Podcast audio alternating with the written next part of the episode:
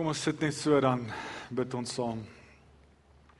Here, dankie vir die voorreg wat ons het om te kan sing van U wat ons liefhet, om te kan sing van U wat ons so liefgehad het, U U seun vir ons gestuur het. Dat ons in hierdie tyd kan kan fokus op U seun, ons verlosser, ons vredemaker wat gebore is.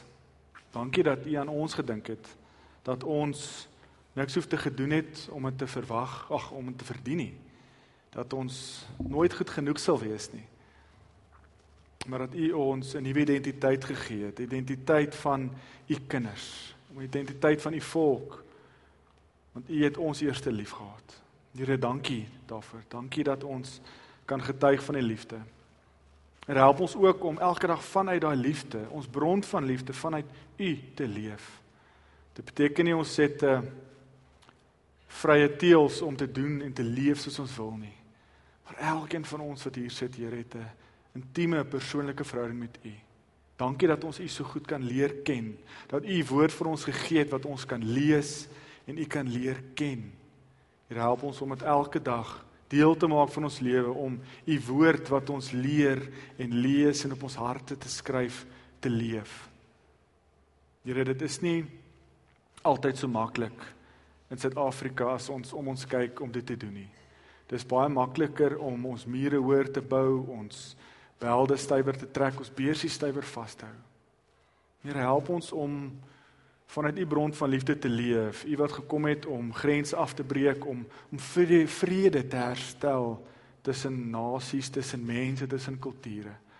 Mag ons elke dag daai mure afbreek tussen mense deur. Mag ons elke dag meer u liefde leef die vrug van die Gees dra. Here, ons ook so nou u woord gaan lees. Help ons dat ons elkeen met die met die regte gees luister wat u vir ons wil sê. Here, dit is die die mooi ding van u, die die wonderlike goedheid van u dat u u woord vir ons gegee het en ons almal het toegang tot u woord. Ons almal kan u woord lees en weet u is by ons. Dankie daarvoor. Help ons om ook hierdie woorde op ons harte neer te skryf om ook deel te maak van ons lewenstyl om die koninkryk te verkondig, te verteenwoordig daar waar ons nou is. Hier ons verraad natuurlik nie omdat ons goed genoeg is of dit verdien nie, maar alleen uit U seën en ons verlosser se naam, die Here Jesus Christus. Amen. Soos ons al reeds gehoor het, is ons die afgelope 2 weke, laasweek en hierdie week besig met Advent of in die in die tyd van Advent. En dit is altyd 'n verskriklike mooi tyd van die jaar want miskien is dit omdat almal bietjie vakansiekoers het of weet jy kom agter jy begin bietjie aan 'n stadige rat in beweeg van want die jaar is lank. Almal van ons werk hard. Maar vir ons as gelowiges is dit 'n wonderlike tyd om in die winkels deur te stap en dalk verby die Bonnie M te luister en verby die kersbome te kyk en en Christus raak te sien. Want ons as gelowiges kyk vorentoe na na Kersdag, na die feit dat ons verlosser gebore is. Dat die feit dat Jesus gebore is, dat ons almal deel kan wees van God se familie. Dat hy die die verhouding tussen ons en God kom herstel het. En so is ons vandag besig in die tweede week van Advent om te fokus op die Here Jesus Christus wat ons vredevors is, wat kom vrede herstel het in ons lewens, in die wêreld. Ons laasweek gekyk het, ehm um, was die eerste Kers was 'n simbool van, dit is nou uit my kop uit, was eers van hoop. Laasweek het ons gefokus na ons hoop wat gebore is. Ons het hoop in Jesus Christus. Maar deurdat Jesus gebore is, het ons ook vrede gekry in ons lewe. Vir ons volgende week gaan fokus in Advent deur te kyk na die vreugde wat in ons lewe is. En dan ook so die liefde wat God vir ons het en dan laastens die wit kers, die die kern sentrale punt van Christus wat dit alles vir ons kom doen het dat hy vir ons gebore is. Ek wil graag vandag fokus op Jesus wat ons vredevors is. Jesus wat kom vrede herstel het deur te fokus op Johannes 9. So indien jy 'n Bybel het en jy wil volg, kan jy asseblief oopmaak Johannes 9. En indien jy nie 'n Bybel het nie, asseblief kom kry voor ons gaan nog ons 'n paar verse saam lees. Of jy kan 'n selfoon of 'n iPad uithaal as jy die Bybel op jou elektroniese op jou selfoon het.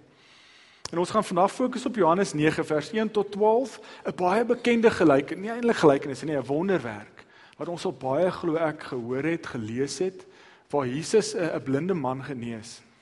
Ons gaan dan 'n bietjie gesels oor die die die die die die skokkende deel van die teks, maar dan ook heeltyd die vraag in ons kop hou van hoe leer Jesus ons in hierdie wonderwerk van van vrede? Hoe lyk vrede en wat is die teenoorgestelde van vrede?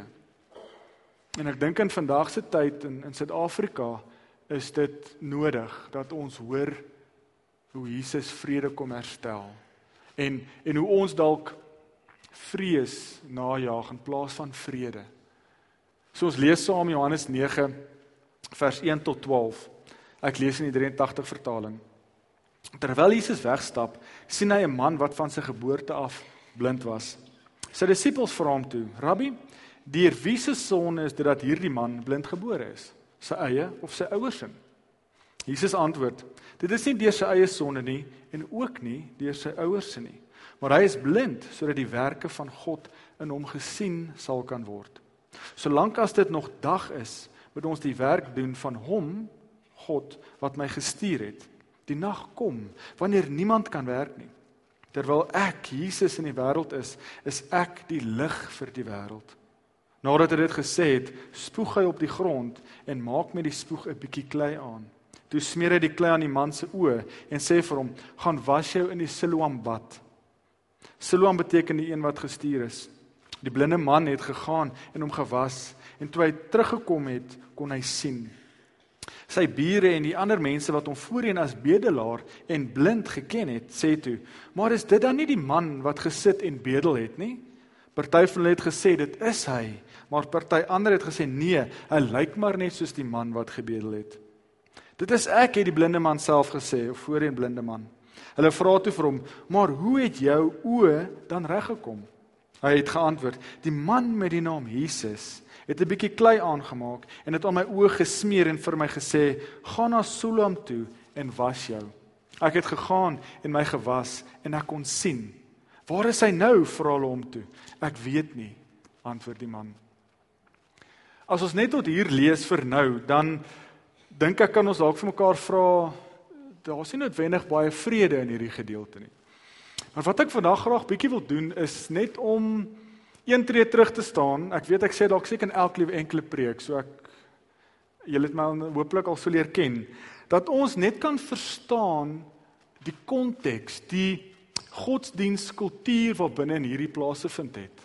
Want hierdie is 'n verskriklike skokkende teks.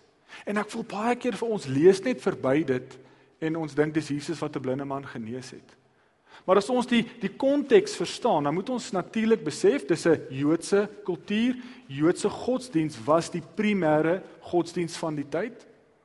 En die Joodse godsdiens was beheer deur rein en onrein. So as jy rein is, dan kon jy in die tempel van Jerusalem waar hulle ook gesien het dit is al plek waar God gewoon het. Die allerheiligste is die huis van God. So op geen ander plek was God nie. So elke liewe enkele Jood wat God aanbid, wil iewers in sy lewe en die wat daar naby gebly het, het twee keer per jaar ten minste 'n pelgrimstog gevat na Jerusalem toe, na die huis van God toe om offer te bring om my jaarlikse sondes vir die Here te bring dat dit vir my weggevat word. Dit is hoekom ons hoor van Jesus wat in die Pasga maaltyd, Pas Paasfees ook was en hoe die mense of afhangende van die sosiale inkomste 'n duif gebring het as 'n offer of 'n lam en het geld betaal vir die tempel. So die hele idee, die hele verstaan van God en godsdiens waar binne hierdie wonderwerk plaasvind, is een van almal wil streef daarna om in God se teenwoordigheid te wees in terme van die tempel. Maar onrein mense het nie die geleentheid, die voorreg gehad nie. Hulle was gesê, julle bly op die kant, julle is nie rein genoeg om in God se of naby God se teenwoordigheid te wees nie. En natuurlik as jy blind gebore is, het jy 'n fisiese gebrek. So jy's onrein. So hierdie blinde man, sy hele lewe lank streef hy na, hy bly naby Jerusalem in Jerusalem om net God aanbid. Om net in die tempel te kan inkom om die Here te beleef, om 'n offer te bring. Maar as gevolg van die feit dat hy blind is, gebore is, is hy uitgeskuif en gesê jy mag nie deel wees van ons Joodse godsdiens nie. So hy's uitgeskei. So sien ons dat hierdie man is blind, hy's onrein en natuurlik kom die disippels, julle moet verstaan, Jesus was 'n rabbi en sy disippels sê, maar die fariseërs sê hierdie man is blind gebore, so dit moet of sy eie skuld wees of sy ouers se. Want hoekom anders? God sal hom nie onrein maak nie. God sal hom nie so blind laat gebore word nie. Dis iemand het iets verkeerds gedoen en hierdie persoon dra nou hierdie sonde in sy lyf. En dis die vraag wat die disippels na Jesus toe kom en sê: "Rabbi, wie se skuld is dit? Het hy iets gedoen of het God geweet hy gaan iets doen en dis is hy onrein gebore? Of is dit sy ouers wat dalk iets verkeerds gedoen het en nou word hy as kind gestraf vir sy ouers se sonde?" Klink dit bekend? Ons vra vandag nog sulke vrae. En Jesus antwoord hulle baie reguit. Nee. Nie sy eie skuld of die van sy ouers nie. Maar hy is daar sodat die werke God se koninkryk 'n realiteit kan word dat mense kan besef, kan sien Jesus is God. Die seun van God. Want slegs God kan mense rein of onrein maak. Slegs Jesus kan maak dat jy weer sien, dat jy blind word. Ag, van blind af weer kan begin sien, kan sien. Maar om dit nog meer skokkend te maak, wel dit was eintlik te dis skokkend nie, om dit skokkend te maak, is wat doen Jesus? Hy spoeg op die grond en hy maak klei aan en hy plak dit op sy oë. So dink gou mooi, dink jy spoeg in 'n wêreld van rein en onrein, val dit as rein of as onrein? onrein. So Jesus spoeg op die grond, vat iets wat onrein is, spoeg en klein, plak dit op sy oë, 'n man wat al reeds onrein is, so hy's nou twee keer onrein. En hy gaan sê vir hom gaan was jouself van die bad van Siloam of die Siloam bad. So die van julle wat al in Israel was, sal besef die Siloam bad is die bad die publieke badplek van al die sondaars. So dit is die die hoogtepunt van almal se sonde en onrein. In Jerusalem, voor jy in die tempel ingegaan het, was daar 'n reinigingsbad. So jy gaan deur die reinigingsbad en dan is jy rein. Jy was jou reinig dit af met baie vuil water en dan is jy rein genoeg om in die tempel te kan ingaan om 'n offer te bring. Maar hierdie man is blind, so hy kon nooit in die reinigingsbad ingegaan het nie, want hy's onrein. Daai reinigingsbad gaan nie sy oë herstel nie. En Jesus sê vir hom daar buite Jerusalem, buite die stad, daar waar al die mense wat blind is en lam is en almal wat onrein is, dis net maar hulle publieke badplek. Gaan was jouself van daai onrein water. So dit is 'n manier van gaan 3 keer se onreinheid hom rein maak. En tog gebeur dit. En Jesus draai die hele verstaan van die Joodse godsdiens van die tyd die hele verstaan van rein en onrein op sy kop deur hom 3 keer onrein te maak en dan word hy volgens die godsdienstige standaarde rein. En as ons nou dit besef, dan dink ons vir osself, oké, okay, kom ons ignoreer nou hoe hy weer begin sien het.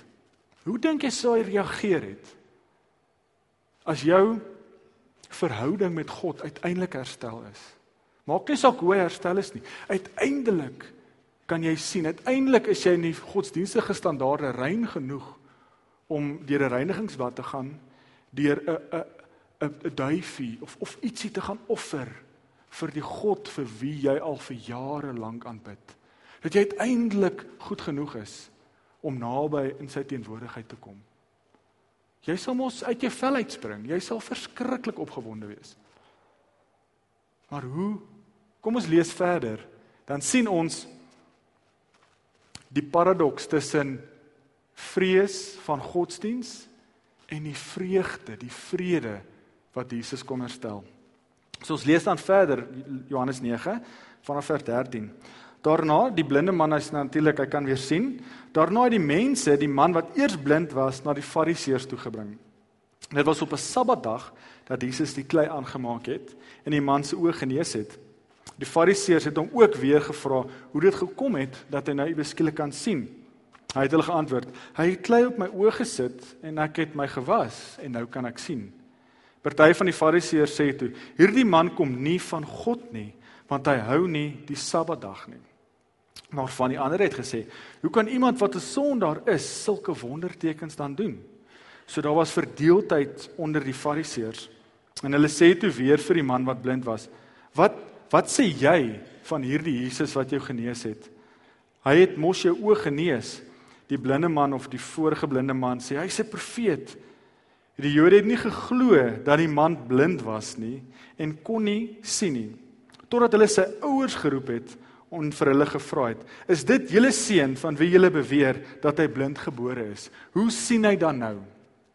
Ons weet dat hy ons seun is en dat hy blind gebore is, het sy ouers geantwoord. Maar hoe hy nou sien, weet ons nie. En wie sy oë genees het, weet ons ook nie. Vra homself, hy's oud genoeg. Hy kan vir homself praat. Sy ouers het dit gesê omdat hulle bang was vir die Jode, want die Jode het toe al klaar met mekaar afgespreek dat iemand wat openlik verklaar dat Jesus die Christus is, uit die sinagoge geban sal word. Daarom het sy ouers gesê hy is oud genoeg, gaan vra vir hom. So sien hierdie verskriklike antiklimaks. Die man se verhouding met God is herstel. Hy kan sien. Maar hulle glo dit nie. Die letter van die wet troef die persoon wat nou weer in 'n verhouding met God staan. En om dit nog 'n vierde keer onrein te maak, het Jesus hierdie wonderwerk gedoen op die Sabbat ook. So dit is die een taboe wat geen enkele godvrees of enige Jood dit eintlik doen nie. Die Sabbat is die dag wat jy moet rus. Jy mag nie mense genees nie. Jy mag nie mense se verhouding met God herstel op die Sabbatdag nie. So nou kom jy agter dat hierdie hulle hulle kan nie glo dat hy weer kan sien. Dit is die mees ironiese storie wat ek in 'n lang tyd gehoor het. Dat hulle sien dis hy, maar hy sê maar hoe hoe kan jy nou weer sien? Dis mos nie net God kan jou genees en God werk nie op die Sabbat nie, so hoekom kan jy nou sien? En dan sê hulle, "Sjoe, daar was Jesus en hy het klei op my oë gesit en ek het in die son aan bad gaan bad." En ek dink hoe meer hy praat, hoe meer sê hulle, "Bly net eerder stil want jy raak meer onrein soos jy praat." En dit is so erg dat hulle sy ouers gaan haal en sê is hierdie julle seun wat blind was. Almal ken hom as die blinde man wat bedel het, maar nou kan hy weer sien. Is dit regtig hy? En dan is die ouers so bang dat hulle verhouding met God letterlik afgesny word, dat hulle geban word uit die sinagoge uit deur te sê dis Jesus Christus wat hom genees het. Die vrees dat hulle seun kan sien troef die feit dat hulle seun weer kan sien. So ons sien hier die die teenpole van die die godsdiens van die tyd, die fariseërs. Hulle het 613 wette wat hulle moet volg. En vir elke wet wat jy oortree, is daar 'n gevolg. So hy's blind gebore, so iewers iewers moes iemand iets oortree. Dis 'n reaksie, 'n gevolg of 'n reaksie op iets wat hulle gedoen het. En so omdat jy nie al hierdie reëls oortree het nie, kan hy nie genees word nie. Al is hy genees, kan hy nie in 'n verhouding met God staan nie. Want die letter van die wet is belangriker as iemand se verhouding met die lewende Here. En Jesus kom en hy wil op 'n mooi manier sê wys op sy eie Jesus manier dat dit is nie wat van buite af op jou liggaam kom of spoeg wat op jou oë land of 'n water wat jou onrein maak nie. Maar Jesus kom en tree in tussen ons en God en kom herstel hierdie verhouding. Want wie van ons wil elke dag kyk of ons 613 wette gehoorsaam? En elke keer as jy dit nie doen nie, dan dan dan val jy so 'n bietjie af op die leer van onreinheid en as jy verder van die Here af en God en Jesus kom en wys hy is die seun van God. God self stuur sy eie seun om in te tree vir ons en te sê ek herstel hierdie verhouding. Die persoon wat in 'n verhouding met God staan, is belangriker as die letter van die wet of die godsdiens. Want die godsdiens kan maklik vrees kweek in jou eie lewe. Van ek hoop nie ek het iets verkeerds gedoen nie, net nou straf God my. Ek hoop nie ek het iets verkeerds gedoen nie, net nou val ek uit God se genade uit. Maar Jesus ons hier wys dat slegs deur Jesus Christus ons vredevors wat gebore is. Slegs deur ons vredevors wat vir ons gesterf het aan die kruis is ons goed genoeg vir God. Want Jesus het dit op homself gedra. Jesus het die vrees uit godsdiens kom uithaal en 'n intieme persoonlike verhouding met die Here vir ons kom opstel. Ek wil afsluit deur 'n foto te wys. Um wat ek voel vandag vir ons as gelowiges 'n 'n mooi simbool is. En um ek het die voorreg gehad om die afgelope week in Israel te wees. Ons het 'n uh, e-kerk toer gehad. 'n Paar van ons was al in Israel. En as jy daar loop, dan dan dink jy by jouself, mense kom oor die hele wêreld na hierdie een plek. Dis 'n paar vierkante meter waar ons as gelowiges ons identiteit gekry het. Die feit dat Jesus vir ons aan die kruis op Golgotha gesterf het. Die feit dat Jesus in Bethlehem gebore is. Dat God mens geword het. Die feit dat Jesus gesterf het en dat die dood nie hom kon onderdruk nie, dat hy opgestaan het uit die dood als gebeur in 'n paar vierkante meter. Maar as jy daar loop, dan is daar geen vrede. Daar's net vrees. En die beste voorbeeld vir my wat my tot nou toe nog roer, is hierdie prentjie.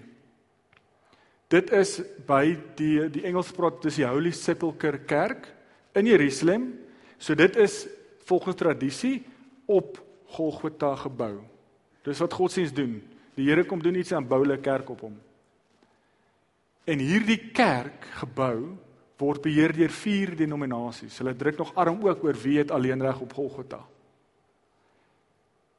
En daar is soveel onmin, soveel bekleierery oor hierdie vier denominasies wat een gebou beheer dat hulle nie kan daar's niks vrede nie. Hulle kan oor niks saamstem nie. Nou kan jy dink as daar vier denominasies is, Okay, wie kry die prime eredienspot? Verstaan jy, so hulle hulle beklei oor wie mag wanneer aanbid. As daar iets in die kerk verander word, moet al vier denominasies saamstem. Dit die onmin, die bekleierery is so erg dat al letterlik priesters doodgemaak is, soos hulle beklei in die kerk, doodgemaak. Net maar laat dink aan Johannes 9 van Godsdiens kan soveel vrees, soveel bekleierery, soveel die letter van die wet is belangriker as 'n verhouding met die lewende Here. Ek meen dit is die dis op Golgotha gebou. Ons verlosser het vir ons gesterf en hulle maak mekaar dood oor wie besit dit. En dit is dalk verskriklik ver verwyder van ons eie verwysingsraamwerk. Maar hierdie leer, dis 'n houtleer wat by die Dis die deur daaronder, dit is die boonste deel van die arch van die ingang van die kerkgebou. En dan bo dit is 'n venster en dan sal 'n leer. En toe hulle, wel ek dink daar was 'n vredesooreenkoms, maar toe hulle 'n kontrak tussen die vier dominasies gesluit het oor wie wanneer wat doen, het hulle 'n leer daar gesit as simbool van die feit dat daar geen vrede in daai kerkgebou is nie. Dit gesê die dag as die vier dominasies daar vrede is, tussen die vier denominasies wat Golgotha se kerkgebou beheer, dan sal die leer weggevat word. Die onmin is so erg dat hulle mekaar nie vertrou met die sleutel van die gebou nie. So hoor hierdie ironie. Hulle vertrou eerder 'n moslem in die dorp om die kerk te kom oop en toesluit. Waar het jy 'n leer in jou lewe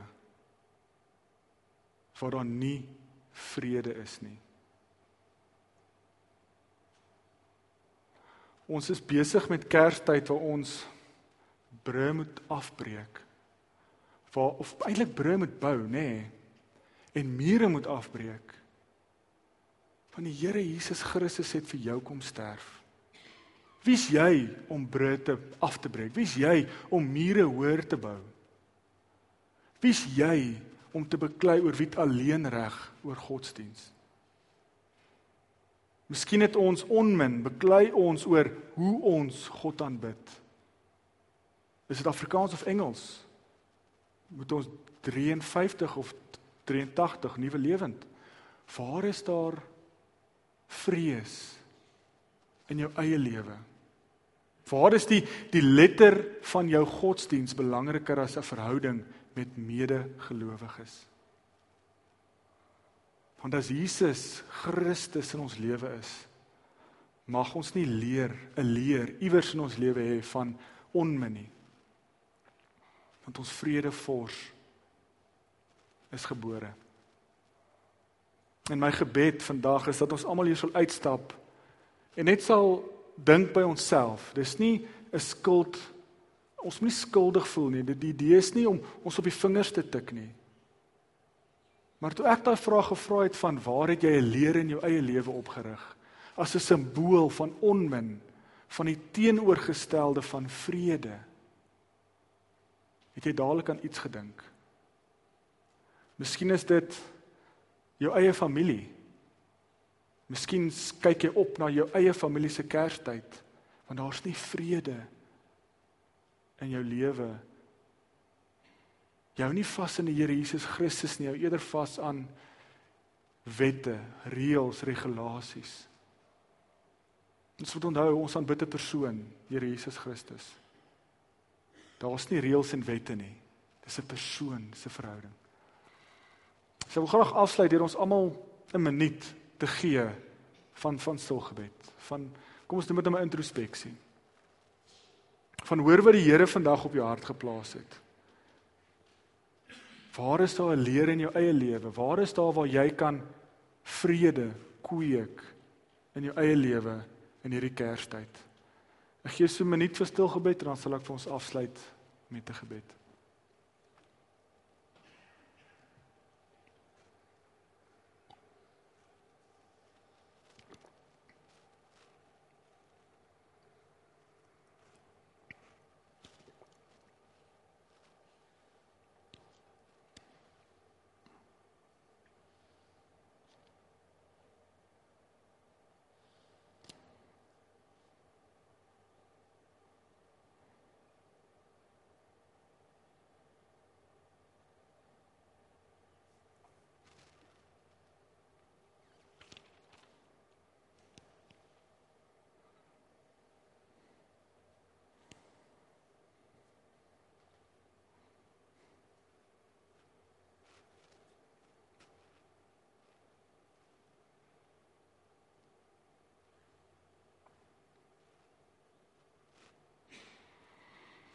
Ons Here God van vrede.